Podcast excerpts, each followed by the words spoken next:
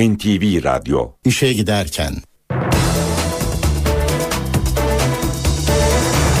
İyi sabahlar ben Öykü Güler Sönmez işe giderken programıyla karşınızdayız. Saat 9'a kadar Türkiye ve dünya gündemindeki gelişmeleri, gazete manşetlerini, yol ve hava durumlarını aktaracağız. İşe giderken gündemin öne çıkan başlıklarıyla başlıyor.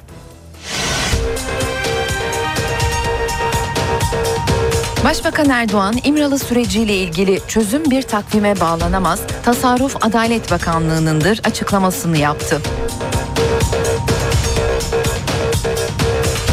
BDP Genel Başkanı Demirtaş, İmralı'ya gitmek üzere ikinci heyetin hazır olduğunu söyledi. Ankara'daki Amerikan Büyükelçiliğine düzenlenen saldırıyla ilgili gözaltına alınan 3 kişi serbest bırakıldı. Cesedi bulunan Amerikalı Saray Sierra'nın başına sert bir cisimle vurularak öldürüldüğü tespit edildi. Sözleşmeli er uygulamasında maaşlar yükseltildi. Hacca gitmek için başvurular bugün başlıyor. Bugün 4 Şubat Dünya Kanser Günü. İşe giderken gazetelerin gündemi.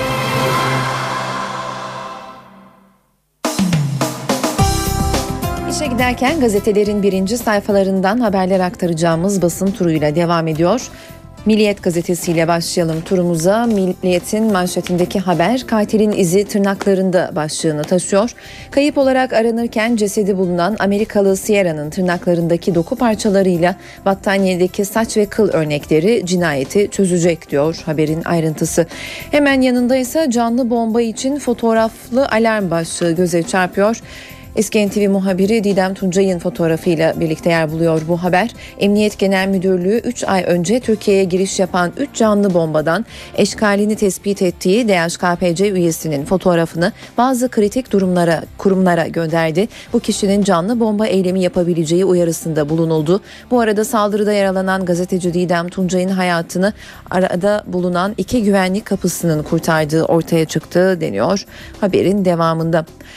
Kerkük'te yine bomba 33 ölü başlıklı haberle devam edelim. Kuzey Irak son dönemde artan terör saldırılarından biriyle daha karşı karşıya kaldı. Kerkük'te emniyet binasına bombalı araçla düzenlenen saldırıda 33 kişi öldü, 70 kişi yaralandı denmiş bu haberin de devamında.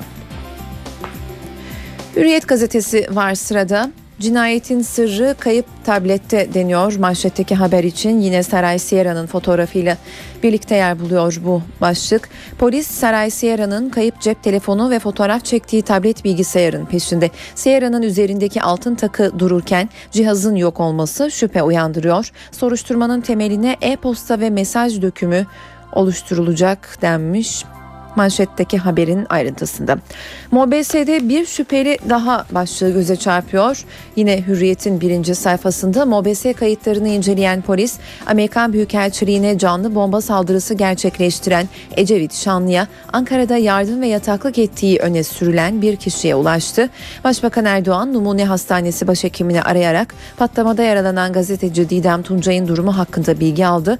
Tuncay'ın durumu iyiye gidiyor denerek ayrıntılandırmış Hürriyet gazetesinin ilk sayfasında yer bulan bu haber. Ve şımarık olan başlığı göze çarpıyor. Başbakan Erdoğan ve eşi Emine Erdoğan'ın fotoğrafıyla birlikte yer bulan bir başlık bu. Başbakan Erdoğan İsrail'in Suriye'ye düzenlediği hava operasyonunu değerlendirirken onları şımarık olan şeklinde besleyenler İsrail'den her şeyi bekleyebilir. İsrail devlet terörü estiren bir anlayışa sahiptir dedi denmiş bu haberin de devamında. Vatan gazetesiyle devam edelim. Bugün tüm gazetelerin birinci sayfalarında yer alan haberi yine manşetten veriyor Vatan. Saray Sierra'nın fotoğrafını kullanıyor ve tecavüz edip öldürmüşler başlığını tercih ediyor. Amerikalı Saray İtalyan Pippa ile aynı kaderi paylaştı. Genç kadının sur dibinde tecavüz edildikten sonra öldürüldüğü ortaya çıktı. İki çocuk annesi Saray'ın öldürüldüğü kesinleşmesi üzerine Amerikan medyası Türkiye'ye akın etti. CNN, ABC, Fox News ve CBS gibi kanallar can kurtarandaki tarihi surlardan canlı yayın yaptı. Hemen altındaki haberin başlığı ise İmralı'nın mesajı önemli. Erdoğan MIT'in kendisine aktardığı bilgiye dayanarak yeni İmralı sürecini anlattı. İmralı'nın verdiği mesajlar çok önemli. Buradan Kandil'e, Avrupa'ya, siyasi uzantılarına verdiği mesajlar var. Eğer silah bırakılırsa bırakırlarsa ülkeyi terk etmelerine imkan hazırlarız deniyor. Bu haberin de ayrıntısında Başbakan Erdoğan'ın açıklamalarından alıntı yaparak canlı bombayı bana gösterdiler çarpıcı bir başlık Saadettin Tantan'ın fotoğrafıyla birlikte yer buluyor. Yine Vatan'ın birinci sayfasında eski İçişleri Bakanı Tantan elçilik baskınından önce polisin Ecevit Şamlı için kendisini uyardığını açıkladı denmiş bu haberin de devamında. Cumhuriyet gazetesi ise manşetinde balyoz davası hızlandırılıyor başlığını kullanmış. Temiz aşamasındaki dava için Yargıtay'da özel ekip kurulacak. Başbakan Erdoğan'ın eski Genelkurmay Başkanı Başbuğ ve diğer komutanlar hakkında terör örgütü mensubu ifadesinin kullanılmasını eleştirerek bu tanımlamayı yapanları tarih affetmez demesinin süreci nasıl etkileyeceği tartışılırken konuyla ilgili ilk pratik adım Yargıtay'dan geldi. Yargıtay balyoz davasında süreci hızlandırmak almak ve verilecek kararı tek kişinin kanaatine bırakmamak için özel ekip oluşturacak deniyor. Cumhuriyet'in manşetten gördüğü haberinin ayrıntısında. Gündem İmralı hemen altında yer bulan haberin başlığı Erdoğan'ın başkanlığında gerçekleştirilen Dolmabahçe zirvesinin Erdoğan'ın talimatı üzerine geçen hafta başında Amerikan Büyükelçiliğine düzenlenen saldırıdan önce planlandığı öğrenildi. Zirveden İmralı sürecine devam kararı çıkarken ikinci BDP heyetinin adaya gitmesi konusunda da yeşil ışık yakıldı diyerek ayrıntılandırılmış bu haberde Cumhuriyet gazetesinde. Habertürk var sırada. Avrupa'ya res diyor manşetteki haberin başlığı. Erdoğan Şangay tartışmasına açıklık getirdi. Avrupa Birliği'nin alternatifi değil ama Avrupa Birliği illa ayrılmamızı bekliyorsa onu da değerlendiririz deniyor ayrıntıda. Devamını aktaralım. Başbakan 3 günlük Orta Avrupa turuna giderken konuştu. Şangay Beşlisi AB ile alternatif değildir. Biz şu anda Şangay Beşlisi'nde diyalog ortağıyız. Orada demokrasi yok diyorlar. AB'ye de bir gecede gelmedi diyerek Erdoğan'ın açıklamasından alıntı yapılıyor Habertürk'ün manşetindeki haberde. Netanyahu üzgünüz. İsrail Başbakanı Amerikan Büyükelçiliğine saldırıyı kınadı. Türk halkının üzüntülerini paylaşıyoruz. Cenazede yakalandı. Canlı bomba Ecevit Şanlı'nın ordudaki cenaze töreninde aranan bir DHKPC'li gözaltına alındı denmiş. Bu iki haberinde ayrıntılarında. Sabah gazetesi var sırada.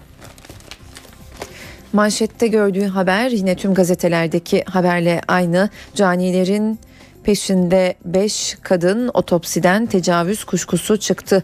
İki alt başlıkla yer buluyor. Sierra'nın ön otopsi raporunda tecavüz ihtimalini güçlendiren sperm buluntularına rastlandı. Saray Sierra'nın cesedinin bulunduğu yerdeki sürüklenme izleri Amerikalı kadının başka yerde vahşice öldürülüp surlara getirildiğinin delili olarak değerlendirildi. Polis surlarda Sierra'nın küpelerini ve kulaklıklarını da buldu. 22 kişi sorgulandıktan sonra serbest bırakıldı denmiş sabahın manşet haberinin ayrıntısında. Devam ediyoruz. Başbakan Erdoğan'ın fotoğrafı göze çarpıyor. Haberin başlığı anlaşma masasına oturmuyoruz. Erdoğan illegal örgütle anlaşma masasına oturma gibi bir derdimiz yok. Emniyet güçlerimiz operasyon meraklısı değil ama silahlar bırakılmadan terör örgütüyle mücadeleyi kesmeyiz denmiş sabahın bu haberinin devamında. Akşam gazetesine bakalım. Manşet haberinin başlığı hakim savcı lojmanı mı? Arif'i vuran kurşunun adresi diyerek devam ediyor. İzmir'de yılbaşı gecesi 11 yaşındaki Arif Dallı'yı öldüren serseri kurşunla ilgili korkunç şüphe. Şehirde 30 bin silahı toplayıp inceleyen polis Arif'in evine 30 metre mesafedeki hakim savcı lojmanlarına girmedi. Acılı dede Fethi Yavuz soruyor ya kurşun oradan atıldıysa? Yeni Şafak gazetesi ise manşette gördüğü haberin başlığı için AB'ye rest ya tamam ya devam başlığını kullanmış. Başbakan Erdoğan Türkiye'nin üyelik müzakerelerinde ayak sürüyen AB'ye sert çıktı. 50 yıl bekletilen başka ülke yok. Brüksel ziyaretimizde kendileriyle bunları açık açık konuşacağız. Yapacaksanız yapın, olmayacaksa söyleyin. İlla hadi ayrılıyoruz, çekilelim diye bir şey bekliyorsanız bunu da değerlendiririz denmiş manşet haberinin ayrıntısında. Kerkük'te kanlı gün 30 ölü diyor haberin ayrıntısı. Bağdat ve Kürt yönetimi arasında krize neden olan Kerkük'te Emniyet Müdürlüğü'ne bomba yüklü araçla saldırı düzenlendi. 30 kişi öldü, 70 kişi yaralandı. Son olarak Posta Gazetesi'ne bakalım. Manşetin baş, manşet haberinin başlığı Saray 12 gün dehşeti yaşamış. İstanbul'da kaybolduktan 12 gün sonra cesedi bulunan Amerikalı Saray Sierra'ya yapılan otopsi korkunç gerçeği ortaya çıkardı. Saray cesedinin bulunduğu gün öldürülmüş. Saray'ın kaçırıldığı ve 12 gün boyunca bir evde tutulduğu sanılıyor. Bu sürede Saray'a tecavüz edilmiş olma ihtimali var. Amerikan Federal Polisi FBI Saray'ın e-mail yazışmalarından Türkiye'de irtibatta bulunduğu 3 kişiyi belirlemeye çalışıyor denmiş bu haberin devamında ve biz de böylelikle gazetelerin birinci sayfalarından haberler aktardığımız turumuzu noktalayarak kısa bir araya gidiyoruz. Aranın ardından yeniden karşınızda olacağız. Mükemmel çatı ve cephe Kılıçoğlu'nun sunduğu işe giderken devam edecek. NTV Radyo. Duyduklarınıza inanın. Reklam.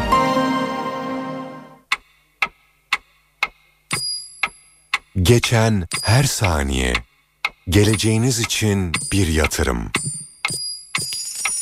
Vakıf emeklilikle küçük birikimleriniz güvenli bir geleceğe dönüşsün. Küçük birikimler yarını belirler Vakıf emeklilikle Siz de hemen bir vakıf emeklilik satış noktasına uğrayın. Beste yeni dönem fırsatlarından ve %25 devlet katkısından faydalanın. Ayrıntılı bilgi 444 9 237. Vokal yeteneğine güvenen gençler. Nardis Genç Caz Vokal Yarışması için başvurular başladı. Dünyanın sayılı festivallerinde yarışmak, deneyim kazanmak istiyorsanız başvuru için nardiscaz.com'u ziyaret edin.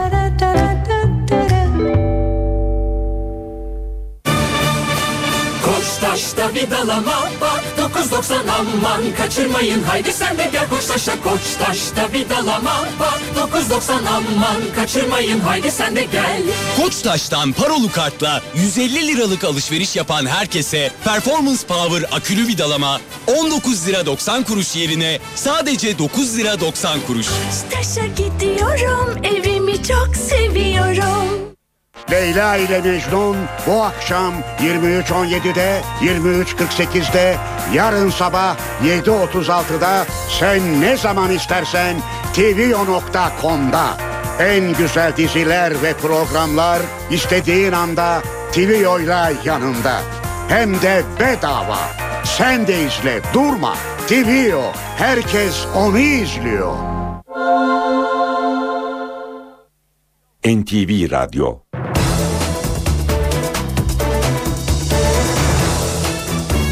Saatler 7.14'ü gösteriyor. İşe giderken günün öne çıkan gelişmeleriyle sürüyor. İmralı sürecinde ikinci görüşme için heyet ve tarih henüz belli değil. Başbakan Erdoğan, Tasarruf Adalet Bakanlığı'nın dedi. Başbakan terör operasyonlarına yönelik eleştirilere de yanıt verdi.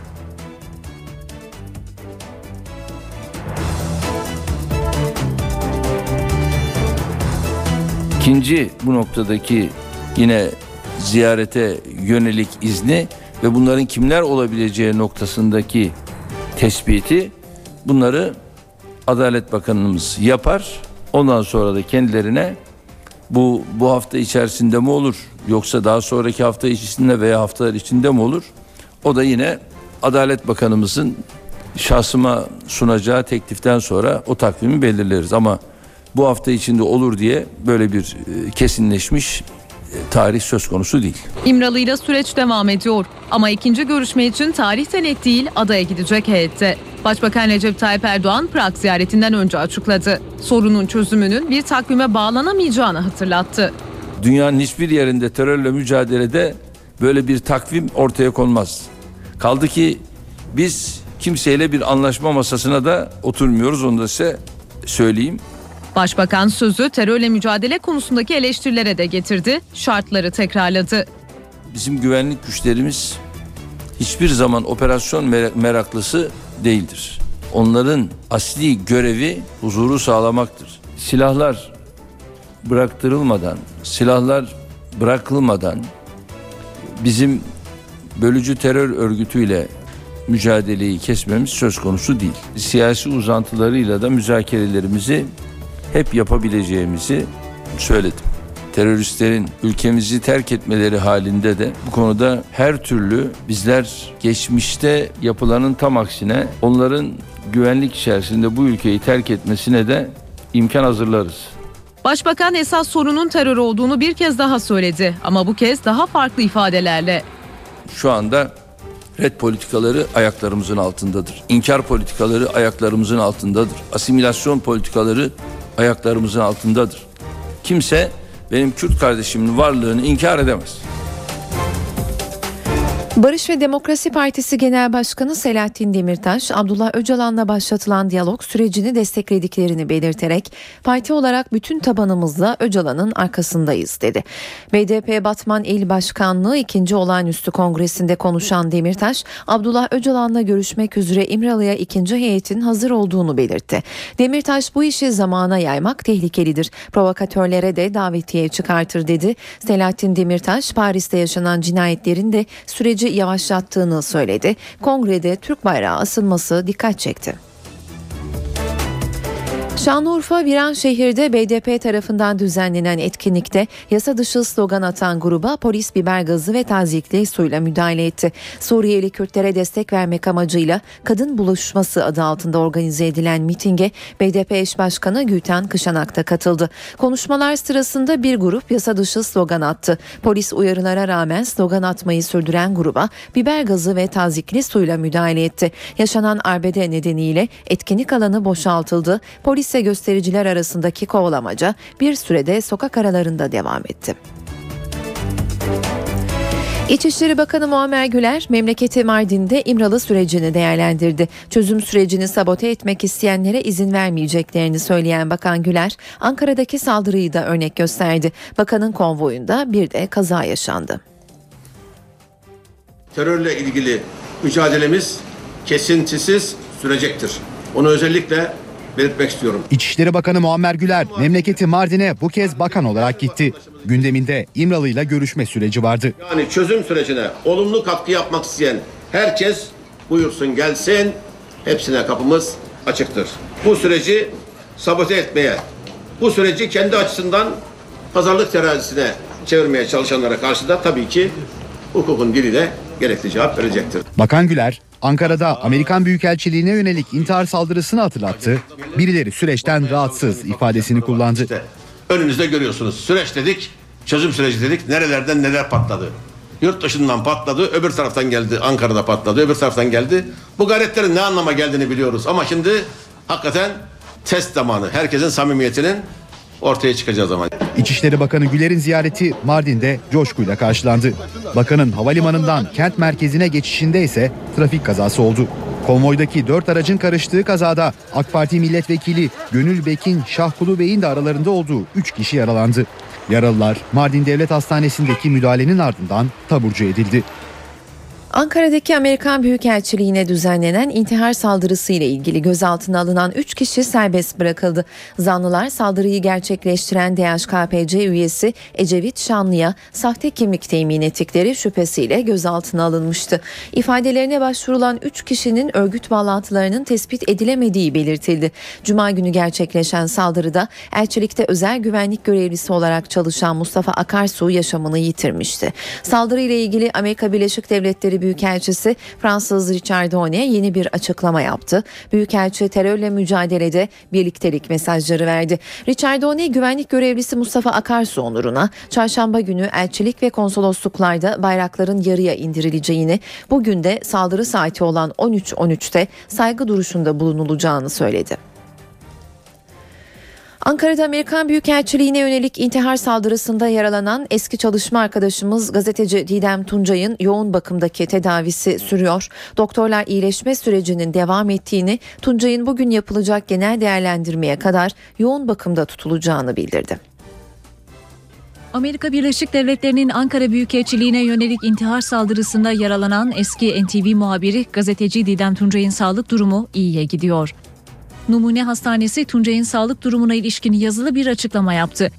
Açıklamada Didem Tuncay'ın iyileşme sürecinin devam ettiği, yapılacak kapsamlı değerlendirmeye kadar yoğun bakımda tedavisinin süreceği belirtildi.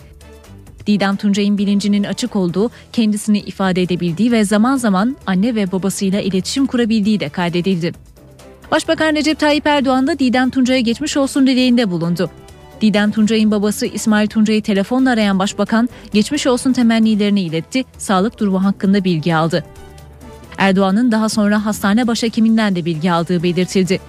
Didem Tuncay'ın doktorların iznine bağlı olarak önümüzdeki hafta içerisinde emniyet yetkililerine saldırı sırasında neler yaşadığını anlatması bekleniyor. İşe giderken Amerika, Hollanda ve Almanya'nın gönderdiği 6 Patriot Suriye sınırına yakın 3 ile yerleştirildi. Sistemin bu hafta faal duruma geçmesi bekleniyor. Milli Savunma Bakanı İsmet Yılmaz konuyla ilgili meclisi bilgilendirecek. Genel kurulun mesaisinde başka önemli gündem başlıkları da var. Türkiye Büyük Millet Meclisi'ni bu hafta kritik bir gündem bekliyor.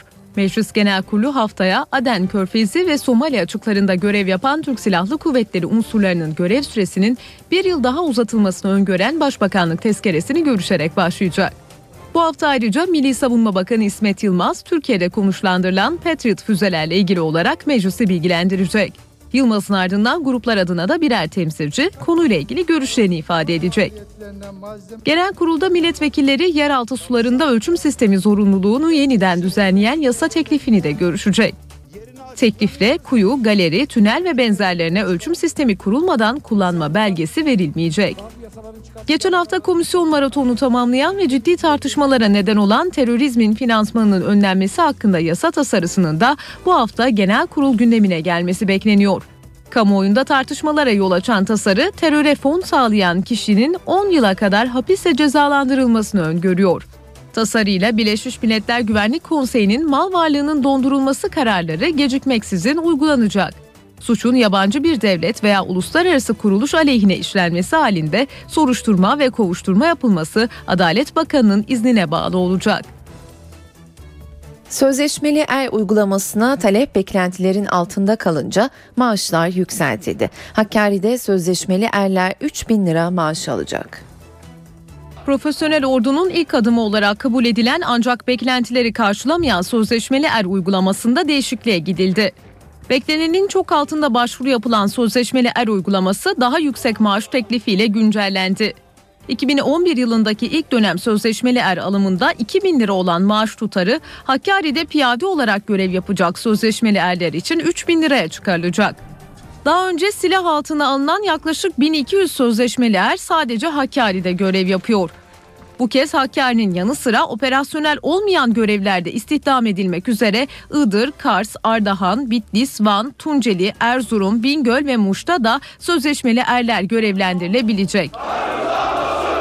7 yıl süresince görev yapacak sözleşmeli erler görevlerinin 3. yılından itibaren tazminatını alıp ayrılabilecek. 3 yıl sonra ayrılan sözleşmeli er 24 bin lira tazminat alırken 7 yılın sonunda alınacak tazminat 60 bin liraya aşacak. Sözleşmeli erler görev sürelerinin sonunda istekli olmaları halinde benzer kadrolar için Batı garnizonlarında da görevlendirilebilecek.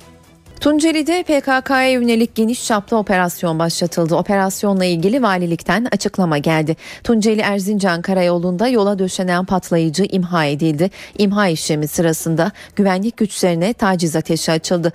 Özel eğitimli çok sayıda asker zırhlı araçlarla bölgeye sevk edildi. Operasyona 4 Kobra ile 4 Skorsky helikopter de havadan destek veriyor. Ayrıca operasyon nedeniyle Tunceli Erzincan Karayolu, Şehit Mehmet Jandarma Karakolu bölgesi birkaç saat trafik trafiğe kapalı kaldı. AK Parti Diyarbakır Milletvekili Cuma İçten Diyarbakır'da yaptığı konuşmada PKK'lılar da benim çocuğum dedi. Milletvekili İçten terörün bölgeye verdiği zararı anlattı. Burada yapılan katliamlar var. 393 tane 2008 yılına kadar yapılan katliamlar. Ölen sivil vatandaş sayısı 5500. Bunların %90'ı Kürt. Öldürdükleri kamu görevlisi sayısı 8 bin insan. Onun dışında kaç tane bizim çocuklarımız ölmüş biliyor musunuz? Yine bizim çocuklarımız. Hani birileri terörist diyor, birileri PKK diyor, birileri gerilla diyor, birileri adına ne derse desin. Ben hepsine insan diyorum.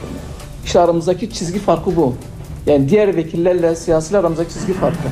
22 bin tane PKK'lı öldürüldü. Yani 22 bin tane çocuğum öldürüldü. Hepsi benim çocuğum. Bu mudur? Yani yarın Kürt hakları bile verilse 22 bin toplamda 37 bin insanın katledildiği bir olayda ben zazaca konuşmak istemiyorum arkadaşlar. Bir insanın ölümüyle bana zazaca konuşma hakkı veriliyorsa ben orada yokum. AK Parti Genel Başkan Yardımcısı Süleyman Soylu, Türkiye'nin net bir şekilde başkanlık sistemine ihtiyacı olduğunu savundu. Soylu, Başbakan Erdoğan'ın başkanlık sistemini kendisi için değil, Türkiye için istediğini söyledi ve Erdoğan, Türkiye'nin ilelebet ve ebedi başkanıdır diye konuştu. Eğer Türkiye başkanlık sistemiyle kendisini bezemezse, Türkiye başkanlık sistemine geçmezse ikinci sıçramada bu oligarşik bürokrasi Türkiye'nin ayağına her zaman pranga vurmaya çalışacaktır. Kendi eşleşleriyle beraber. Çünkü 1961 Anayasası da öyle oluşmuştur. 1982 Anayasası öyle oluşmuştur. Tayyip Erdoğan başkanlık sistemini kendisi için istememektedir. Türkiye'nin geleceği için zaten önümüzdeki Cumhurbaşkanlığı sürecinde Sayın Başbakanımız Cumhurbaşkanı adayı olduktan sonra 5 artı 5, 4 artı 4, 10 yıl Türkiye'nin başındadır. Onun karizması, onun yaptığı hizmetler, onun Türkiye'yle beraber, milletle beraber bütünleşmesinde başkanlık sistemine ihtiyaç yoktur ki. Tayyip Erdoğan Türkiye'nin ilelebet, ezeli ve ebedi başkanıdır. Bu millet kararlıdır. Dün bu milletin Menderes'ini aldınız. Dün bu milletin Özal'ını aldınız. Vallahi de billahi de tallahi de bu millet size Erdoğan'ı vermeyecektir arkadaş. İşe giderken Dışişleri Bakanı Ahmet Davutoğlu Almanya'nın Münih kentindeki uluslararası güvenlik konferansında konuştu. Suriye ve İran'ın nükleer programının damga vurduğu konferansta Davutoğlu Suriye konusunda Birleşmiş Milletler Güvenlik Konseyi'ni eleştirdi. Dışişleri Bakanı yaşanan insani krize de dikkat çekti. Ayrıntıları NTV muhabiri Gülden Erson Umut aktarıyor. Suriye'deki gelişmeyle İran'ın nükleer programı Münih Güvenlik Konferansı'nın gündemine damgasını vurdu. Konferansa Türkiye adına katılan Dışişleri Bakanı Ahmet Davutoğlu, uluslararası topluluğun Suriye konusundaki sessizliğinin kabul edilemez olduğunu hatırlattı. Davutoğlu, Suriye'deki siyasi krizin başlangıç tarihinden bu yana Türkiye'nin 160 bine aşkın mülteciye kucak açtığını hatırlatırken iç savaşta 60 bine aşkın kişinin hayatını kaybettiğine vurgu yaptı. Dışişleri Bakanı, Birleşmiş Milletler Güvenlik Konseyi'nin daimi üyelerinin Suriye'deki katliama sessiz kalmaların kabul edilemez bir davranış olduğunu söyledi. Öte yandan Münih Güvenlik Konferansı'na damgasını vuran bir diğer konu ise İran'ın nükleer programı oldu. İran Dışişleri Bakanı Ali Ekber Salihi, İran'ın nükleer programının tamamen barışçıl bir program olduğunu ve Uluslararası Atom Ajansı'nın denetimine açık bir program olduğunu söyledi. Ancak katılımcıları herhangi bir şekilde ikna edemedi. İran Suriye Devlet Başkanı Beşar Esad'a sahip çıkmaya çalıştı ancak bu hususta da gerek katılımcılar gerekse Amerika Birleşik Devletleri hatta Rusları da ikna edemedi. Gülden Erson Umut, NTV, Münih. Başbakan Erdoğan İmralı süreciyle ilgili çözüm bir takvime bağlanamaz, tasarruf Adalet Bakanlığı'nındır açıklamasını yaptı. BDP Genel Başkanı Demirtaş, İmralı'ya gitmek üzere ikinci heyetin hazır olduğunu söyledi. Ankara'daki Amerikan Büyükelçiliğine düzenlenen saldırıyla ilgili gözaltına alınan 3 kişi serbest bırakıldı. Cesedi bulunan Amerikalı Saray Sierra'nın başına sert bir cisimle vurularak öldürüldüğü tespit edildi. Sözleşmeli er uygulamasında maaşlar yükseltildi. Hacca gitmek için başvurular bugün başlıyor. Bugün 4 Şubat Dünya Kanser Günü.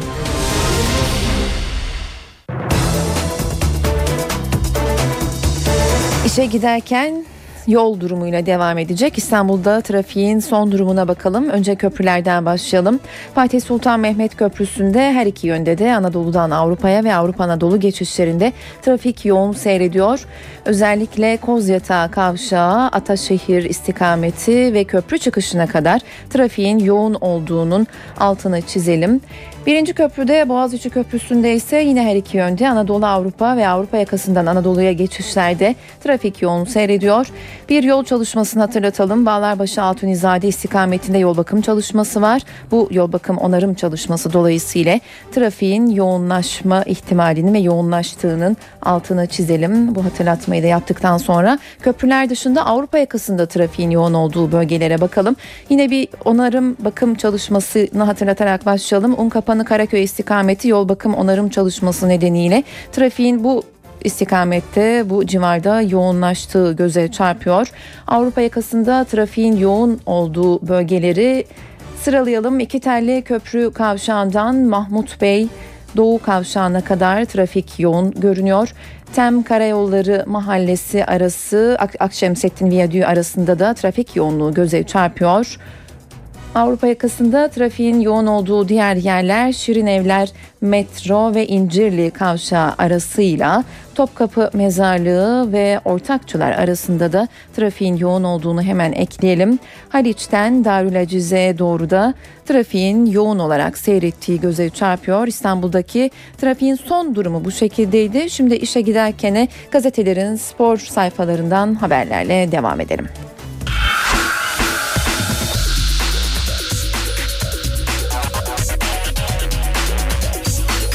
Spor sayfaları.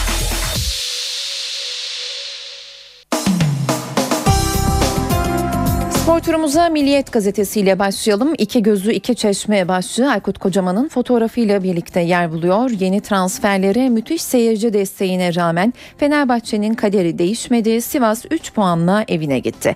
Sarı lacivertliler maça istekli ve arzulu başlasa da golü Eneramo'nun ayağından konuk ekip attı. Kayt'ın kaçırdığı penaltı Saracoğlu'na şok etkisi yarattı. İkinci yarı Vebo eşitliği sağladı. Ev sahibi galibiyet için bastırsa da gecenin yıldızı Eneramo finali yaptı. Fenerbahçe'nin zirveyle arası 6 puana çıktı. Kafkas dansı başlıklı haberle devam edelim. Güneşle vedalaşan Trabzonspor Tolunay Kafkas'la farka koştu. Gaziantep Spor'u ağırlayan Bordo Mavililer fırtına gibi esti. 20'de Adrian startı verdi. 46'da Alanzinho, 49'da da Kolman golleri üçledi. 90'da Komaha konuk ekibin tek golünü kaydetti. 90 artı 2'de sahneye çıkan Halil Altıntop sonucu belirledi deniyor. Bu haberin de ayrıntısında. Ekip mi zemin mi başlığı Beşiktaş cephesinden bir haberin başlığı için kullanılan ifade Beşiktaş'ın dünkü idmanında Dentinho sakatlandı ve en az bir ay sahalardan uzak kalacağı açıklandı. Özellikle Ümraniye'deki idmanlarda sık sakatlık yaşanması saha zemini mi sorunlu yoksa sağlık ekibi mi yetersiz sorularını akıllara getirdi deniyor bu haberin ayrıntısında. Doğuş başlığı göze çarpıyor. PTT 1. Lig'de Çaykur Rize Tavşanlı'yı yenerek hem Adana Demir mağlubiyetini telafi etti hem de rakipleri 1461 Trabzon ve Manisa'nın kaybettiği haftayı karla kapattı.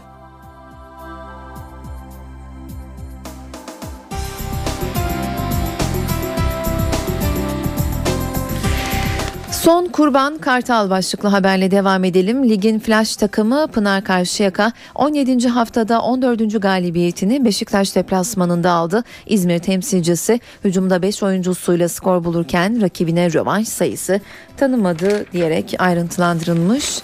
Bu haber 70-59'luk skoru hatırlatarak Milliyet gazetesinde.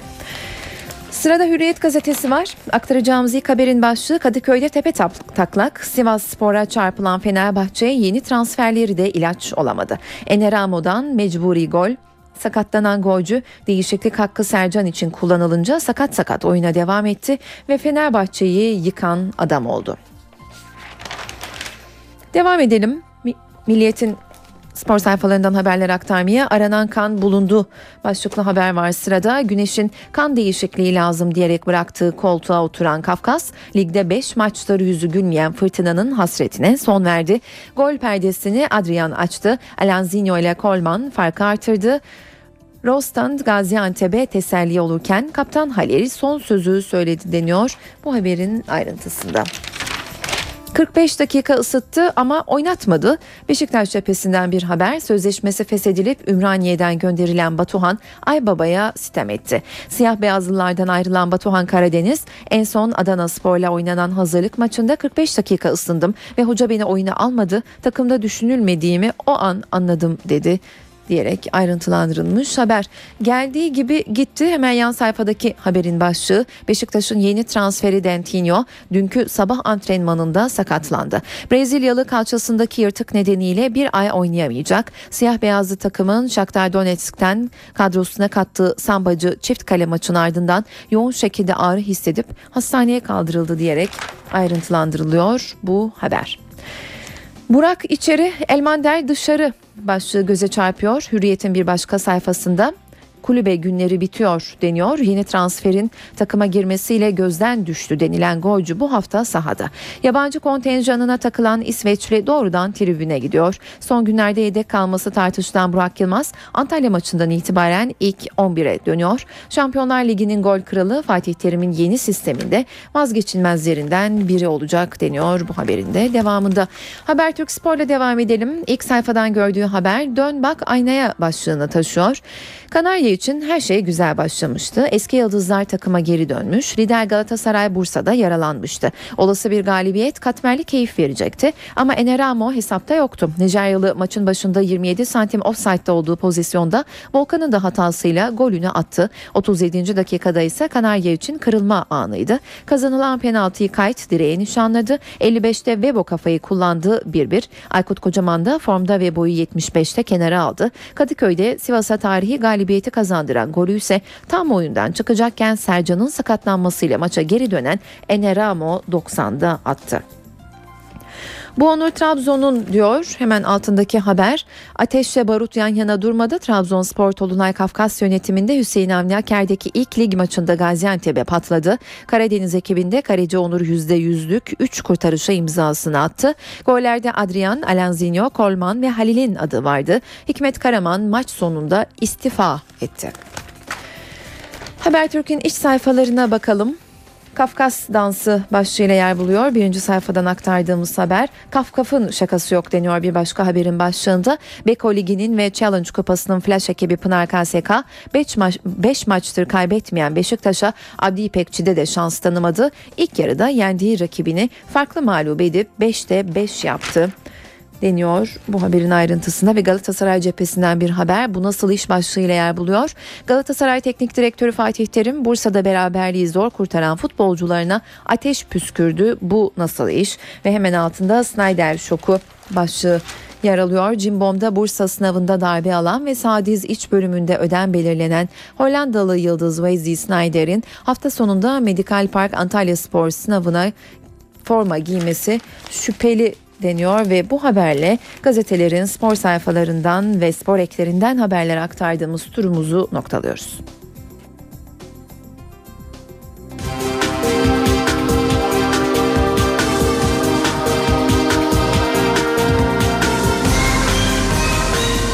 İşe giderken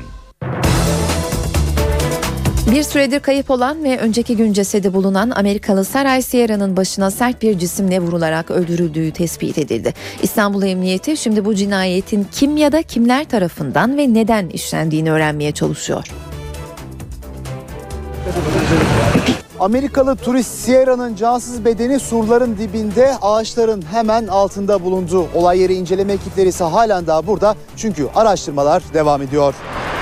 Esrarengiz ölümle ilgili sis perdesi henüz aralanmadı.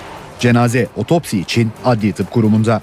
Henüz çalışmalar sürüyor. Adli tıp raporu çıkmadı ama öldürüldü ve başına vurulmak suretiyle öldürüldü e, kesin. Öbür tarafını çalışıyoruz. Olay yeri inceleme ekipleri ve cinayet büro ekipleri gün boyu cesedin bulunduğu surlarda araştırma yaptı. Şüpheli bulduğu iki kişiyi daha gözaltına aldı. Ve aramalarda iki küpeyle bir kulaklık bulundu. Ayrıca cesedin yanında bir de battaniye bulundu. Polis cesedin cinayet işlendikten sonra bölgeye taşındığı ihtimali üzerinde duruyor. Sara Sierra'nın cesedi bulunmadan önce İstanbul Emniyeti seferber oldu. 100 kişilik özel bir tim görevlendirildi. Yüzlerce güvenlik kamerası tarandı. Amerikalı kadının izine en son Galata'da rastlandı. Polis güvenlik kameralarında Sierra'nın daha sonra nereye gittiğini adım adım takip etti. Sierra'nın görüntüsü son olarak Sarayburnu'nda Mobese kameralarına takıldı. Sarayburnu'nda 100 polis arama çalışması yaparken ceset bulundu. Uzman ekipler olay yerine sevk edildi. Sierra'nın cenazesini Amerika'dan gelen eşi teşhis etti. Polis Sierra'nın 3 kişiyle daha internet üzerinden konuştuğunu belirledi. İstanbul Emniyeti şimdi başına sert bir cisimle vurularak öldürülen Sara Sierra'nın kimler tarafından ve neden öldürüldüğünü bulmaya çalışıyor.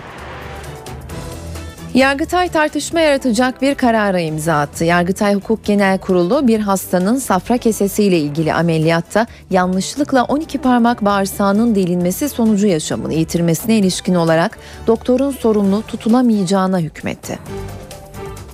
Hastanın ameliyat hatası sonucu ölmesinden doktor sorumlu değil. Bu dikkat çekici karar Yargıtay'a ait. Yargıtay Hukuk Genel Kurulu bir hastanın safra kesesiyle ilgili ameliyatta yanlışlıkla 12 parmak bağırsağının delinmesi sonucu ölmesinden doktoru sorumlu tutan yerel mahkeme kararını bozdu. Kurul, kamu hizmeti görmesi nedeniyle davanın doktora açılamayacağına hükmetti. Kararı konu olay İstanbul'da gerçekleşti. Bir üniversite hastanesinde safra kesesi iltihabı teşhisiyle ameliyat olan AE'nin ağrılarının artması ve karnının şişmesi karşısında ameliyatı yapan doktor AK gazı var geçecek diyerek müdahalede bulunmadı. AE durumunun ağırlaşması üzerine yeniden ameliyat edildi. Hasta 6 gün sonra daha da kötüleşti. Stent takıldı ve başka bir hastaneye nakledildi. Bu hastanede ilk ameliyatta hastanın 12 parmak bağırsağının delindiği belirlendi. Hasta AE ameliyattan 3 ay sonra hayatını kaybetti. Hastanın oğlu doktora toplam 280 bin lira değerinde maddi ve manevi tazminat davası açtı. Mahkeme Adli Tıp Kurumu'ndan gelen doktor kusurlu raporu üzerine davalı doktorun toplam 190 bin lira tazminat ödemesine hükmetti. Kararın temiz edilmesi üzerine Yargıtay 4. Hukuk Dairesi yerel mahkemenin kararını bozdu. Dosyayı yeniden görüşen yerel mahkeme ilk kararında direndi. Bunun üzerine dava Yargıtay Hukuk Genel Kurulu'nun gündemine geldi.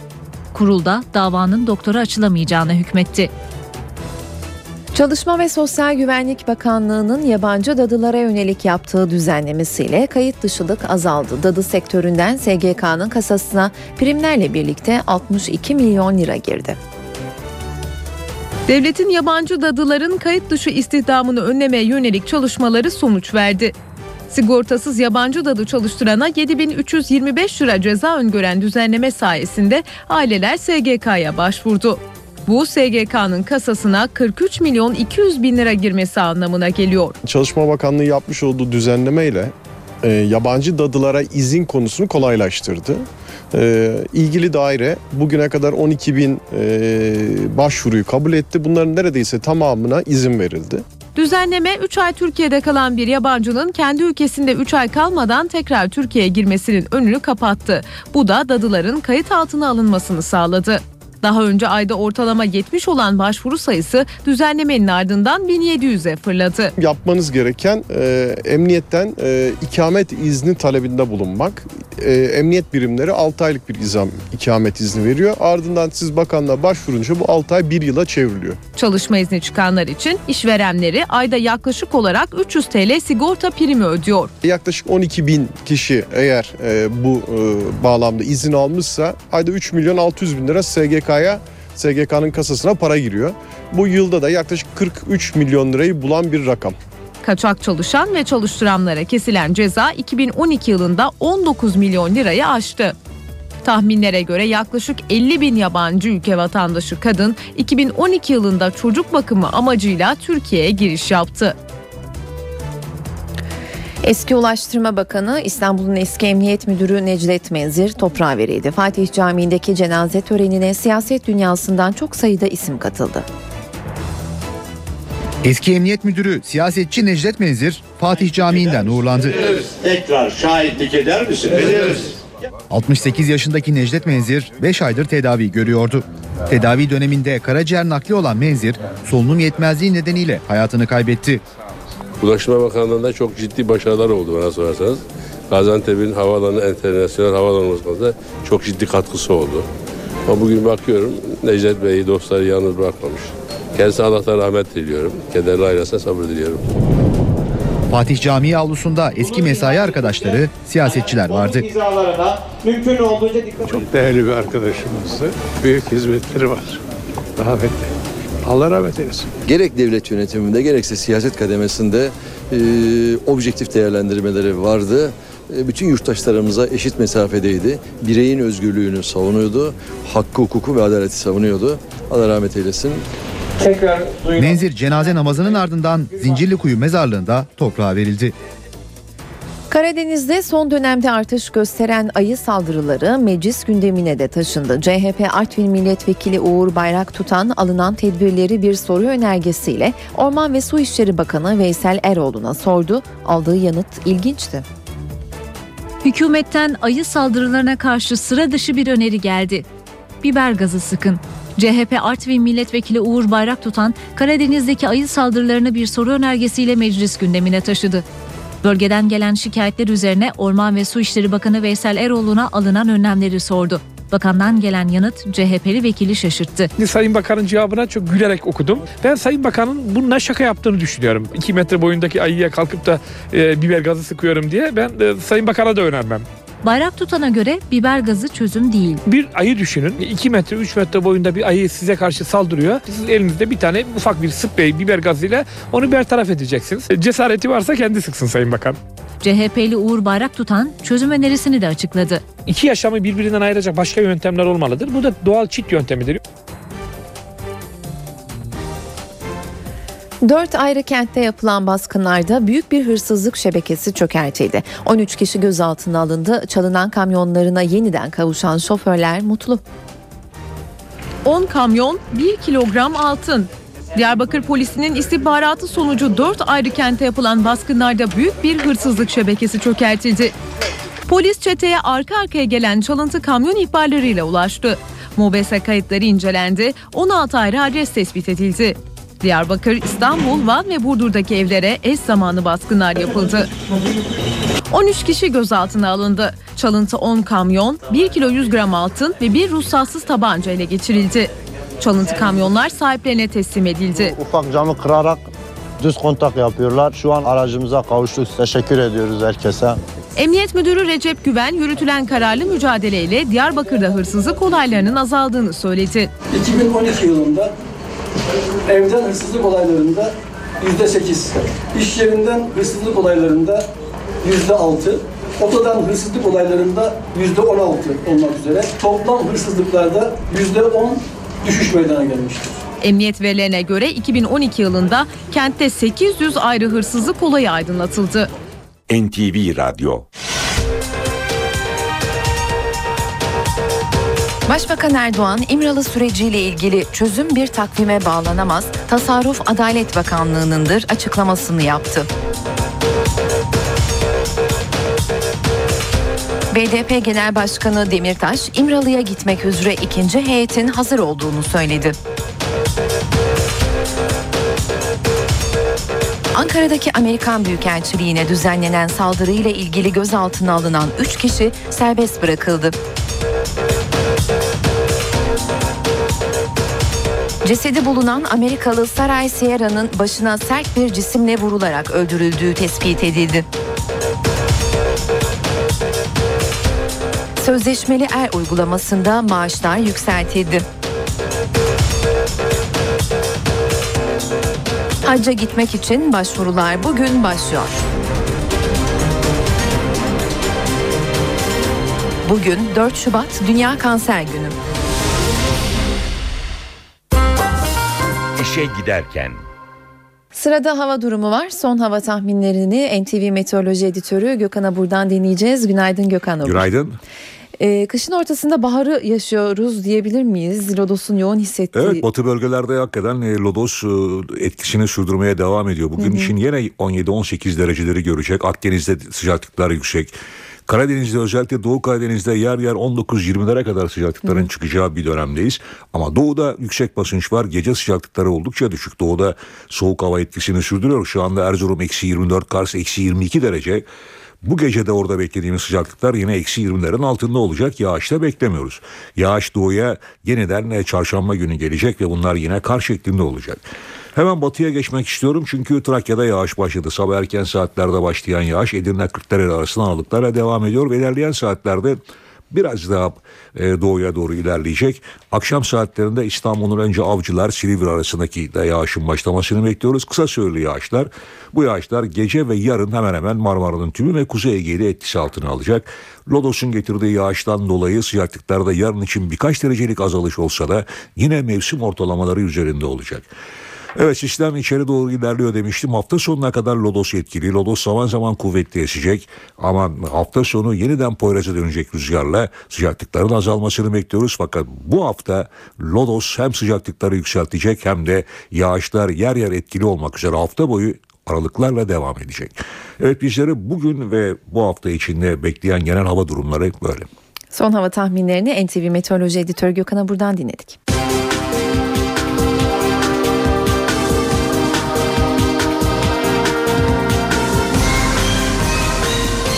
İşe giderken. İşe giderken gazetelerin gündemi.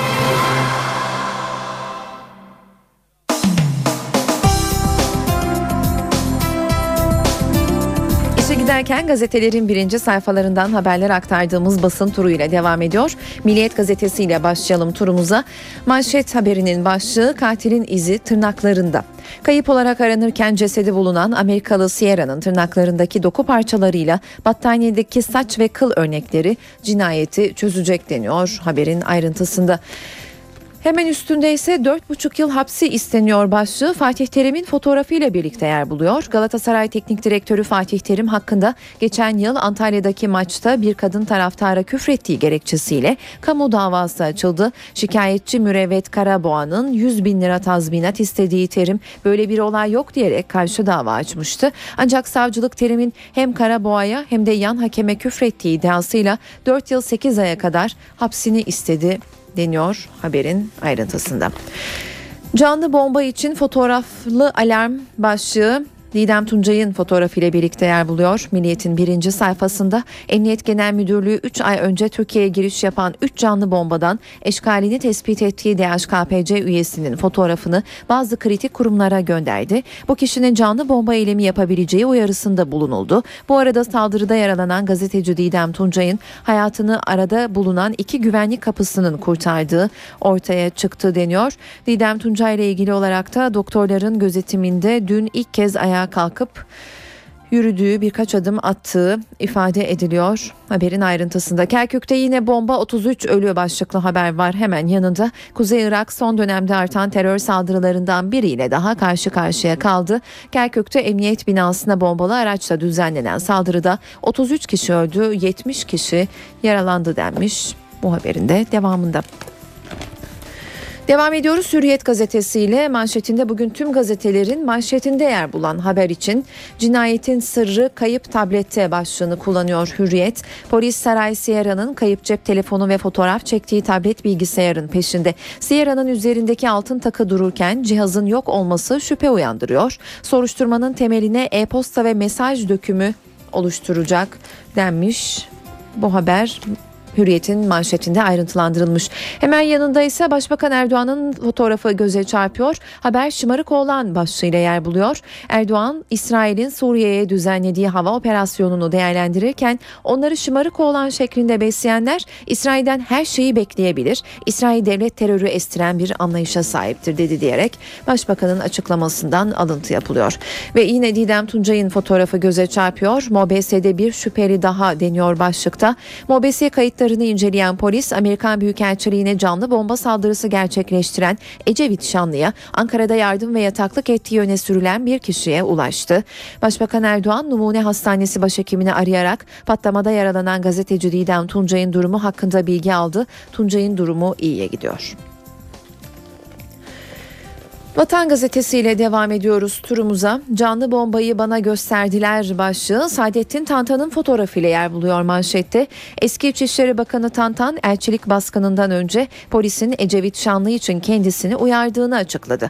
DHKPC'nin hedefindeki isimlerden biri olan Saadettin Tantan vatana konuştu. Amerikan Büyükelçiliğine saldıran Ecevit Şanlı hakkında bu saldırıdan önce emniyet beni uyardı. Hem ismi hem fotoğrafı ilettiler denmiş haberin devamında. Manşet haberi yine Saray Sierra'nın fotoğrafı ve tecavüz edip öldürmüşler başlığıyla yer alıyor. Amerikalı saray İtalyan Pipa ile aynı kaderi paylaştı. Genç kadının sur dibinde tecavüz edildikten sonra öldürüldüğü ortaya çıktı. Amerikan medyası İstanbul'da deniyor. Alt başlıkta iki çocuk annesi Saray'ın öldürüldüğünün kesinleşmesi üzerine Amerikan medyası Türkiye'ye akın etti. CNN, ABC, Fox News ve CBS gibi kanallar can kurtarandaki tarihi surlardan canlı yayın yaptı. İmralı'nın mesajı önemli başlıklı haber var sırada. Başbakan Erdoğan'ın fotoğrafıyla birlikte yer buluyor. Vatanın ilk sayfasında Erdoğan MIT'in kendisine aktardığı bilgiye dayanarak yeni İmralı sürecini anlattı. İmralı'nın verdiği mesajlar çok önemli. Burada Kandil'e, Avrupa'ya, siyasi uzantılarına verdiği mesajlar var. Eğer silah bırakılırsa ülkeyi terk etmelerine imkan hazırlarız diyerek Erdoğan'ın Başbakan Erdoğan'ın açıklamasından alıntı yapmış Vatan Gazetesi. Sabah yine manşette Otopsiden tecavüz kuşkusu çıktı başlığını kullanıyor. Bölgede yaşayan 22 kişiye Sierra cinayeti sorgusu deniyor. Sierra'nın ön otopsi raporunda tecavüz ihtimalini güçlendiren sperm buluntularına rastlandı. Sierra'nın cesedinin bulunduğu yerdeki sürüklenme izleri Amerikalı kadının başka yerde vahşice öldürülüp surlara getirildiğinin delili olarak değerlendirildi. 22 kişi sorgulandıktan sonra serbest bırakıldı deniyor haberin devamında. Habertürk'le devam ediyoruz basın turumuza. Avrupa'ya rest başlığı manşette kullanılmış. Erdoğan Şangay tartışmasına açıklık getirdi. AB'nin alternatifi değil ama AB illa ayrılmamızı bekliyorsa onu da değerlendiririz. Başbakan 3 günlük Orta Avrupa turuna giderken konuştu. Şangay Beşlisi Avrupa Birliği ile alternatif değildir. Biz şu anda Şangay Beşlisi'nde diyalog ortağıyız. Orada demokrasi yok diyorlar. AB'ye de bir gecede gelmedi diyerek Erdoğan'ın açıklamasından yine alıntı yapılmış Habertürk'ün manşet haberinde. Netanyahu üzgünüz. İsrail Başbakanı ABD elçiliğine saldırıyı kınadı. Türk halkının üzüntülerini paylaşıyoruz. Cenazede yakalandığı başlığı ise canlı bomba Ecevit Şanlı'nın ordudaki cenaze töreninde aranan bir DHKPC'li gözaltına alındı deniyor bu başlığın ayrıntısında. Devam edelim Cumhuriyet gazetesiyle. Balyoz davası hızlandırılıyor başlığını tercih etmiş Cumhuriyet manşetinde temiz aşamasındaki dava için Yargıtay'da özel ekip kurulacak. Başbakan Erdoğan'ın eski Genelkurmay Başkanı Başbuğ ve diğer komutanlar hakkında terör örgütü mensubu ifadesinin kullanılmasını eleştirerek bu tanımlamayı yapanları tarih affetmez demesinin süreci nasıl etkileyeceği tartışılırken konuyla ilgili ilk pratik adım Yargıtay'dan geldi. Yargıtay Balyoz davasında süreci hızlandırmak ve verilecek kararı tek kişinin kanaatine bırakmamak için özel ekip oluşturacak.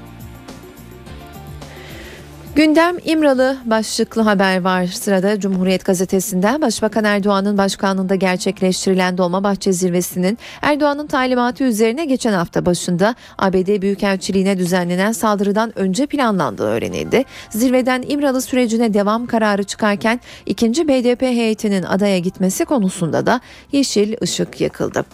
Polis Aygün'ü arıyor diyor bir başka başlık Cumhuriyet'te. CHP milletvekili Hüseyin Aygün'ün fotoğrafı Ankara'daki bir karakolda aranan şüphelilerin fotoğraflarının bulunduğu panoya asıldı. Suç duyurusunda bulunmaya hazırlanan Aygün, Hrant'ın kanını elinde taşıyan İçişleri Bakanı Muammer Güler yeni provokasyonlar peşinde dedi denmiş bu haberin devamında.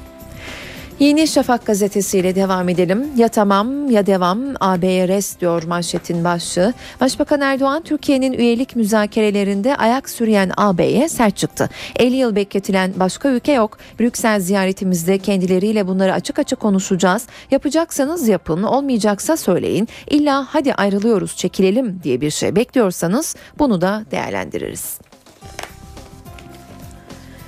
Kerkük'te kanlı gün 30 ölü diyor bir başka başlık. Yeni Şafak'ın birinci sayfasında ayrıntısı şöyle. Bağdat'la Kürt yönetimi arasında krize neden olan Kerkük'te Emniyet Müdürlüğü'ne bomba yüklü araçla saldırı düzenlendi. 30 kişi öldü, 70 kişi yaralandı.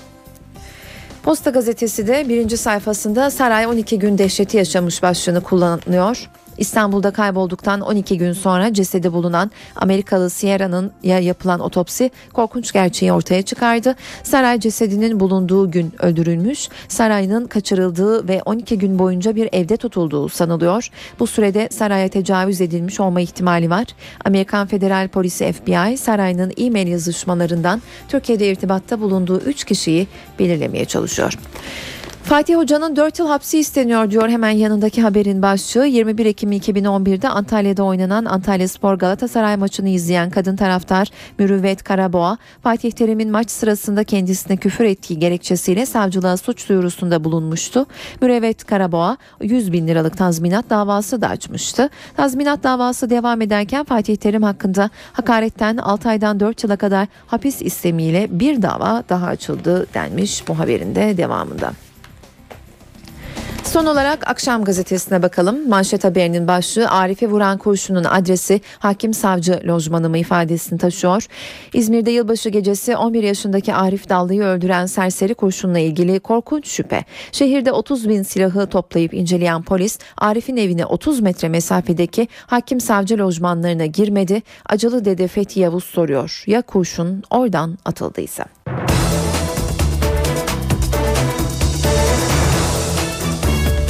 Saatler 8.19'u gösteriyor. Ben Öykü Güler Sönmez. İşe giderken de günün öne çıkan gelişmeleriyle karşınızdayız. İmralı sürecinde ikinci görüşme için heyet ve tarih henüz belli değil. Başbakan Erdoğan Tasarruf Adalet Bakanlığı'nın dedi. Başbakan terör operasyonlarına yönelik eleştirilere de yanıt verdi.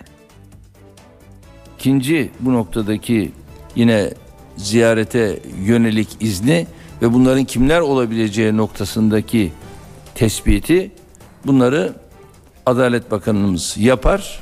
Ondan sonra da kendilerine bu bu hafta içerisinde mi olur yoksa daha sonraki hafta içerisinde veya haftalar içinde mi olur? O da yine Adalet Bakanımızın şahsıma sunacağı tekliften sonra o takvimi belirleriz ama bu hafta içinde olur diye böyle bir e, kesinleşmiş tarih söz konusu değil. İmralı'yla süreç devam ediyor. Ama ikinci görüşme için tarihten net değil adaya gidecek heyette. Başbakan Recep Tayyip Erdoğan Prag ziyaretinden önce açıkladı. Sorunun çözümünün bir takvime bağlanamayacağını hatırlattı. Dünyanın hiçbir yerinde terörle mücadelede böyle bir takvim ortaya konmaz. Kaldı ki biz kimseyle bir anlaşma masasına da oturmuyoruz onu da size söyleyeyim. Başbakan sözü terörle mücadele konusundaki eleştirilere de getirdi, şartları tekrarladı. Bizim güvenlik güçlerimiz hiçbir zaman operasyon meraklısı değildir. Onların asli görevi huzuru sağlamaktır. Silahlar bıraktırılmadan, silahlar bırakılmadan bizim bölücü terör örgütüyle mücadeleyi kesmemiz söz konusu değil. Siyasi uzantılarıyla da müzakerelerimizi hep yapabileceğimizi söyledim. Teröristlerin ülkemizi terk etmeleri halinde de bu konuda her türlü bizler geçmişte yapılanın tam aksine onların güvenlik içerisinde bu ülkeyi terk etmesine de imkan hazırlarız. Başbakan esas sorunun terör olduğunu bir kez daha söyledi ama bu kez daha farklı ifadelerle. Şu anda red politikaları ayaklarımızın altındadır. İnkar politikaları ayaklarımızın altındadır. Asimilasyon politikaları ayaklarımızın altındadır. Kimse benim Kürt kardeşimin varlığını inkar edemez. Tunceli'de PKK'ya yönelik geniş çaplı operasyon başlatıldı. Operasyonla ilgili valilikten açıklama geldi. Tunceli Erzincan Karayolu'nda yola döşenen patlayıcı imha edildi. İmha işlemi sırasında güvenlik güçlerine taciz ateşi açıldı. Özel eğitimli çok sayıda asker zırhlı araçlarla bölgeye sevk edildi.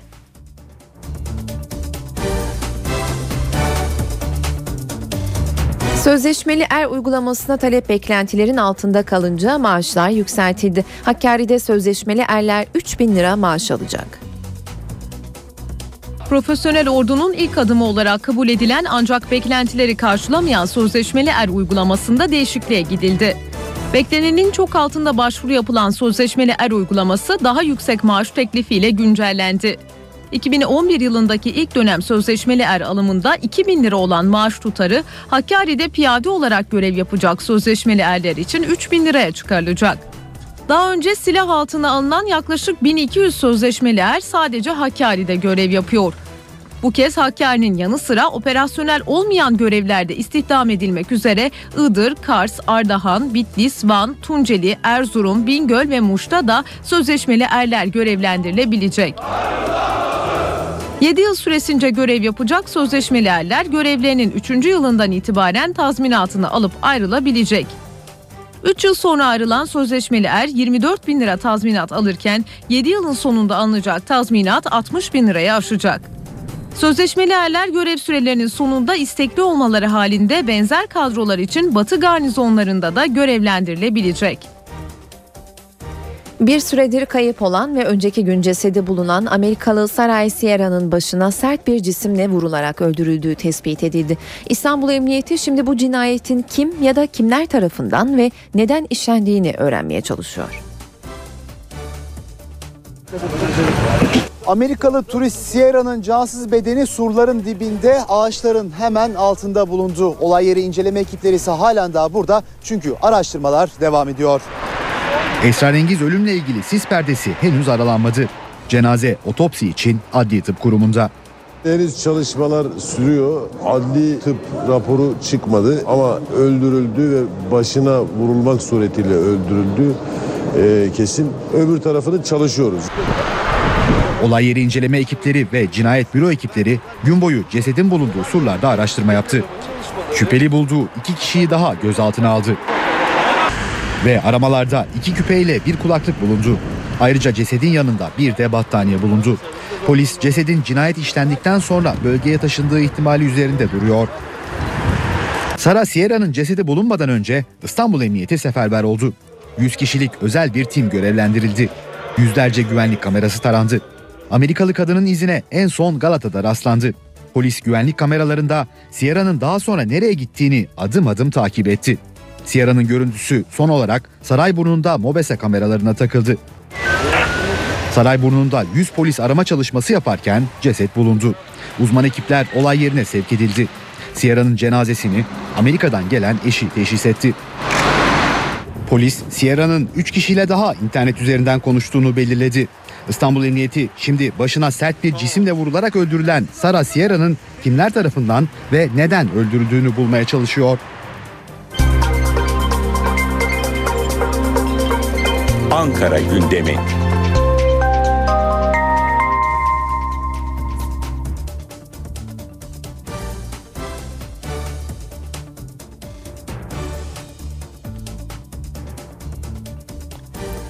Sırada başkent gündemi var. Ankara gündeminin ayrıntılarını NTV muhabiri Murat Barış Koralp'ten dinliyoruz. Başbakan Erdoğan Çek Cumhuriyeti'nin başkenti Prag'daki temaslarını sürdürürken Ankara'nın bir numaralı gündem maddesi Amerikan Büyükelçiliğine Cuma günü düzenlenen intihar saldırısı. Dün e, DHKPC üyesi Ecevit Şanlı'ya saldırıyı gerçekleştiren Ecevit Şanlı'ya sahte kimlik temin ettikleri şüphesiyle gözaltına alınan 3 kişi sorgularının ardından serbest bırakıldı. Ankara Emniyeti bu 3 kişinin örgüt bağlantılarının tespit edilemediği gerekçesiyle serbest bırakıldıklarını belirtiyor. Saldırıyla ilgili soruşturmanın yanı sıra eski çalışma arkadaşımız Didem'in sağlık durumunu da yakından takip ediyor olacağız. Numune Hastanesi'nde yoğun bakım ünitesinde Didem'in tedavisi devam ediyor ancak doktorları iyileşme sürecinin devam ettiğini de belirtiyorlar. Didem'in bugün kapsamlı bir değerlendirmesi yapılacak. Normal odaya alınıp alınmayacağı burada netlik kazanacak. Ancak sağlık durumu ile ilgili şunu e, belirtmek mümkün. Anne babasıyla iletişim kurabiliyor. Bilinci açık. Yani iyileşme süreci e, bir miktar daha alacak ama devam ediyor. Hızla devam ediyor. Bunu da sevindirici bir gelişme olarak söyleyebiliriz. Didem'in yine doktorların iznine bağlı olarak önümüzdeki hafta saldırıyla ilgili Ankara Emniyetinde e, bir ifade vermesi de söz konusu. Bugün az önce sen de ifade ettin Dünya Kanser Günü. Türkiye'de yaklaşık 175 bin kişiye her yıl kanser teşhisi konuluyor ve Sağlık Bakanlığı kanserle ilgili merak edilenleri bugün sosyal medya üzerinden cevaplayacak. E, Kanserle Savaş Daire Başkanı Doçent Doktor Murat Gültekin ve Gazi Üniversitesi Onkoloji Bölümü öğretim üyesi Profesör Doktor Ahmet Özet saat 13 ile 14 arasında Facebook ve Twitter hesapları üzerinden kanserle ilgili merak edilenleri cevaplayacaklar. Günün ekonomi gündeminin öne çıkan e, rakamı ise enflasyon rakamları olacak. Türkiye İstatistik Kurumu bugün Ocak ayı enflasyon rakamlarını açıklayacak. 2012 yılını %6,16'lık enflasyon rakamıyla kapatmıştık. Bugün gözler 2013'e ait ilk verilerde olacak. İşe giderken İşe giderken yol durumuyla devam ediyor. İstanbul'da trafikteki son durumu aktarmaya çalışalım. Önce köprülerden başlayalım. Fatih Sultan Mehmet Köprüsü'nde Avrupa yakasından Anadolu yakasına geçişte ve İki yönde de trafik yoğun olarak seyrediyor. Anadolu yakasında Kozyatağı Kavşağı, Ataşehir istikameti Ümraniye Kavşağı'na doğru ve köprü çıkışına kadar bu trafik yoğun olarak seyrediyor. Anadolu yakasında bir de araç e, yolda kaldı. Tem Fatih Sultan Mehmet Köprüsü Anadolu Avrupa yönünde e, yolda kalan araç bölgedeki trafiği yoğunlaştırıyor. Bunu aktaralım hemen ve Boğaziçi Köprüsü'ne bakalım. İki yönde Anadolu Avrupa Avrupa Anadolu yakası geçişlerde trafik yoğun görülüyor. Avrupa yakasında köprüler dışında trafiğin yoğun olduğu bölgeleri aktaralım. İstoç ve Tekstil kent arasında trafikte yoğunluk göze çarpıyor ve Metris'e kadar Metris istikametine doğru devam ediyor bu yoğunluk. Çoban Çeşme kavşağıyla Şirin Evler Bakırköy Dikeli Taş arasındaki yolda da trafiğin yoğun olarak seyrettiğini belirtelim. Topkapı mezarlığıyla Otakçılar ve Otakçılardan Haliç'e doğru bu istikamette de trafiğin yoğun olduğunu aktaralım.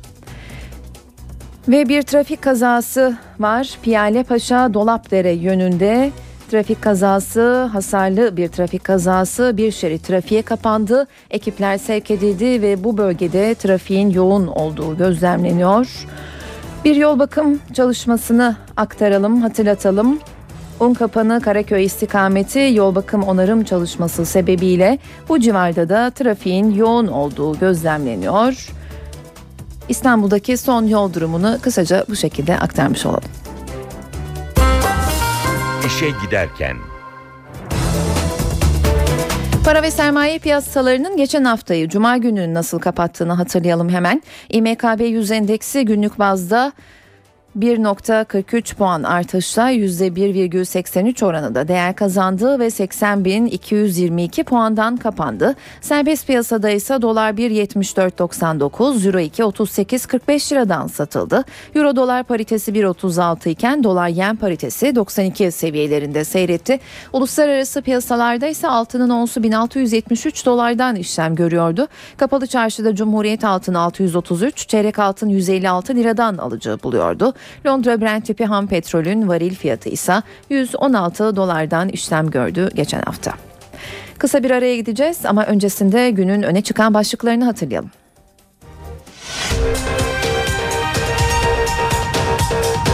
Başbakan Erdoğan İmralı süreciyle ilgili çözüm bir takvime bağlanamaz, tasarruf Adalet Bakanlığı'nındır açıklamasını yaptı. BDP Genel Başkanı Demirtaş, İmralı'ya gitmek üzere ikinci heyetin hazır olduğunu söyledi. Ankara'daki Amerikan Büyükelçiliğine düzenlenen saldırıyla ilgili gözaltına alınan 3 kişi serbest bırakıldı. Cesedi bulunan Amerikalı Saray Sierra'nın başına sert bir cisimle vurularak öldürüldüğü tespit edildi. Sözleşmeli er uygulamasında maaşlar yükseltildi. Hacca gitmek için başvurular bugün başlıyor. Bugün 4 Şubat Dünya Kanser Günü.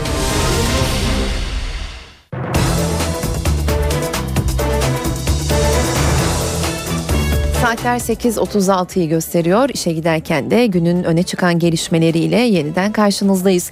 Suriye'nin Halep kenti yine savaş uçaklarının hedefindeydi. Hava saldırısında hayatını kaybeden 16 kişinin çoğu çocuk. Suriye'deki iç savaşın en çok hissedildiği kentlerden biri Halep. Son olarak Halep'in El Ensari Aşaki mahallesi hava saldırısına hedef oldu. Muhalif gruplar saldırıda 13 çocuk, 16 kişinin hayatını kaybettiğini açıkladı. Saldırının ardından muhalifler tarafından çekilen görüntüler yaklaşık 2 yıldır süren çatışmaların yarattığı yıkımı da gözler önüne serdi. Muhalifler bölgenin Suriye jetleri tarafından vurulduğunu duyurdu. Bombalara hedef olanlar arasında yine çocuklar vardı. Suriye'deki iç savaşta hayatını kaybedenlerin sayısı 60 bini aşmış durumda. Irak'ın kuzeyindeki Kerkük kentinde gerçekleşen saldırılara bir yenisi daha eklendi. Emniyet Müdürlüğü'ne yönelik saldırıda 33 kişi hayatını kaybetti, 90'dan fazla kişi de yaralandı.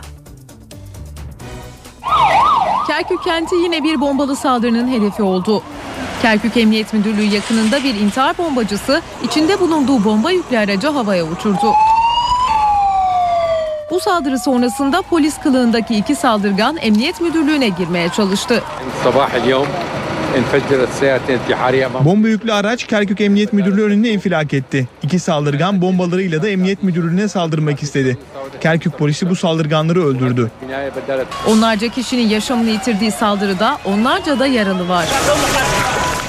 Patlamanın şiddetiyle Emniyet Müdürlüğü yakınındaki bazı binalar ve araçlarda hasar oluştu. Bölgedeki Telekom Müdürlüğü binasının bir bölümü yıkıldı. Kerkük Emniyet Müdürlüğü ise beton bloklarla çevrili olması nedeniyle fazla zarar görmedi. Saldırının sorumluluğunu henüz üstlenen olmadı. Türkmen, Arap ve Kürtlerin yaşadığı Kerkük üzerinde merkezi hükümetle bölgesel Kürt yönetimi hak iddia ediyor. İki hafta önce yine Kerkük'te Kürdistan Demokratik Partisi bürosuna düzenlenen saldırıda 25 kişi yaşamını yitirmişti. Latin Amerika ülkesi Küba'da halk genel seçimler için sandık başındaydı. Sandığa gidenlerden biri de uzun süredir ekranlarda görünmeyen efsane lider Fidel Castro'ydu. Küba'nın efsanevi lideri Fidel Castro aylar sonra ortaya çıktı. Fidel Castro parlamento seçimlerinde oy kullandığı sırada devlet televizyonu tarafından görüntülendi. Seçim merkezinde yaklaşık bir saat kalan Castro basın mensuplarıyla sohbet etti. 86 yaşındaki Fidel Castro'nun yanındakilerden destek alarak ayakta durduğu ve konuşmakta zorluk çektiği kameralara yansıdı. Küba halkı gerçek devrimcidir. Çok büyük fedakarlıklarda bulundular. Bunu benim kanıtlamama gerek yok. Tarih bunu kanıtladı. Amerika 50 yıllık ambargoya rağmen başarılı olamadı. Kübalılar seçim merkezinden ayrıldığı sırada eski liderleri Castro'ya büyük ilgi gösterdi. Fidel Castro en son Ekim ayında sağlık durumunun kötüye gittiği yolundaki haberleri yalanlamak için oğlu tarafından çekilen fotoğrafları basınla paylaşmıştı.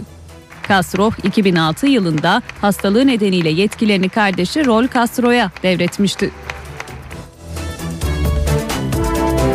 İngiltere'nin başkenti Londra'da kraliyetin ikamet ettiği Buckingham Sarayı'nın önünde heyecan dolu anlar yaşandı.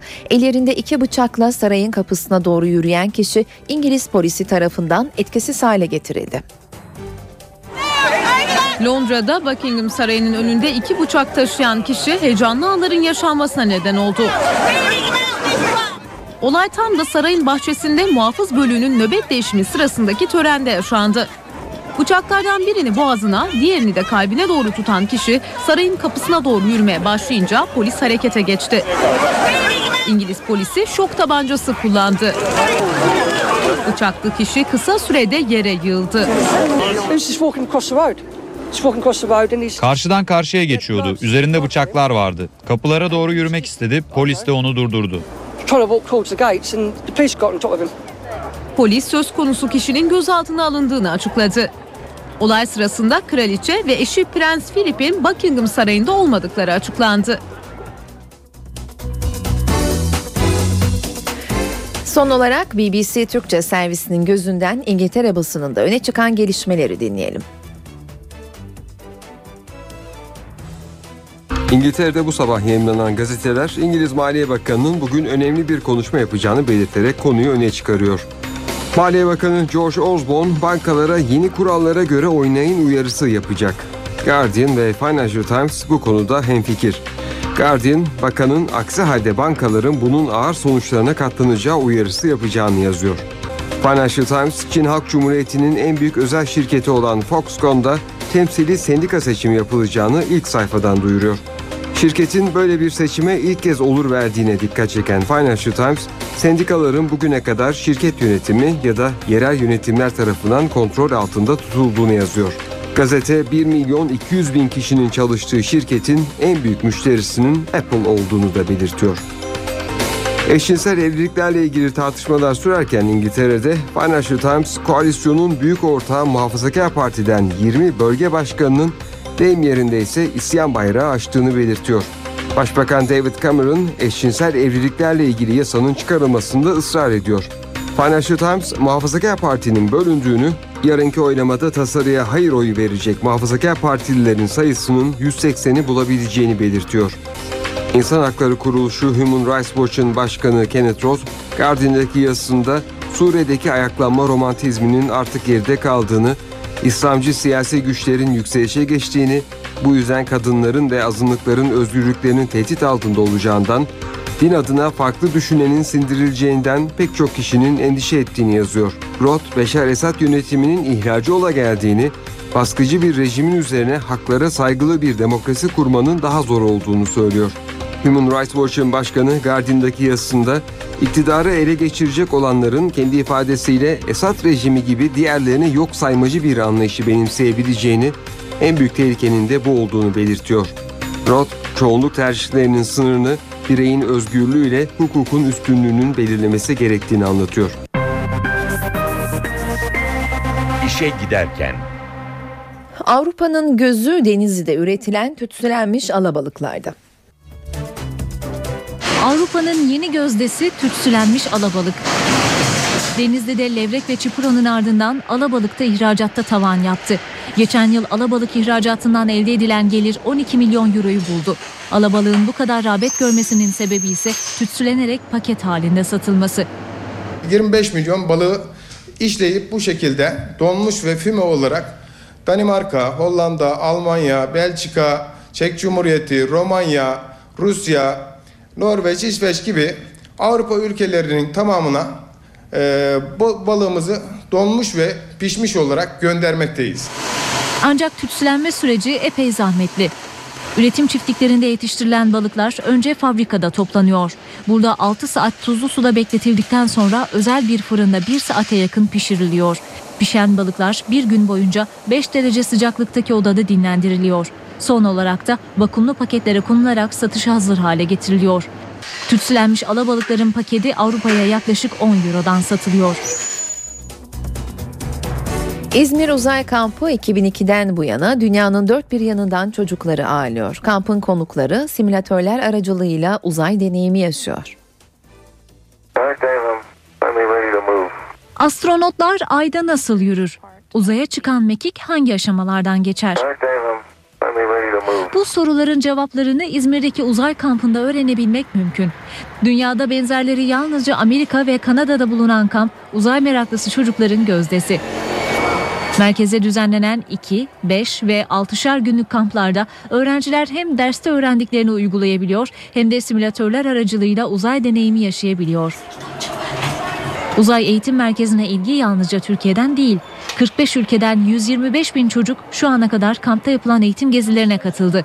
Yunanistan, Bulgaristan, Kazakistan, Rusya gibi komşu ülkelerin yanı sıra Çin'den, Almanya'dan, Portekiz'den, İtalya'dan hatta Amerika'dan, e, İtalya'dan e, öğrenciler farklı programlarla uzay kampına katılıp hem uluslararası arkadaşlıklar kurup hem de bireysel yetilerin geliştirecekleri e, farklı etkinliklere katılmış oluyorlar. 2002'den bu yana 5687 öğrenci uzay kampından burslu olarak yararlandı. Barış Manço ölümünün 14. yıl dönümünde ailesi ve sevenleri tarafından mezarı başında anıldı. Kanlıca mezarlığına Barış Manço adlı vapurla gidildi. Boğaz'da Manço şarkıları yankılandı.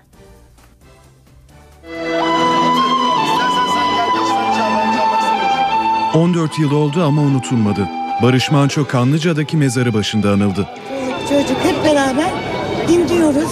7'den 77 77'ye dedikleri bu işte. Barış Manço hayranları mezarlığa sanatçının adını taşıyan şehir atları vapuruyla gitti.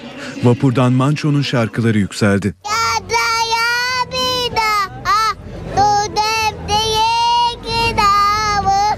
Arkadaşım eş, arkadaşım eş, arkadaşım eşek. Onun programlarıyla büyüdük, onun şarkılarıyla büyüdük. Şimdi de işte benim oğlum 5 yaşına e, basacak bu sene.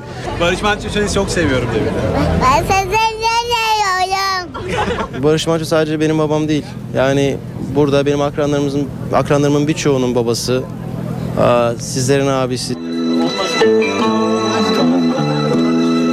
Anma etkinliklerinde son durak Barış Manço'nun mezarıydı. Barış Manço'yu özlemle anıyoruz. Böylece işe giderken programının sonuna geldik. Ben Öykü Güler Sönmez saat başında gelişmelerle yeniden karşınızda olacağız. NTV Radyo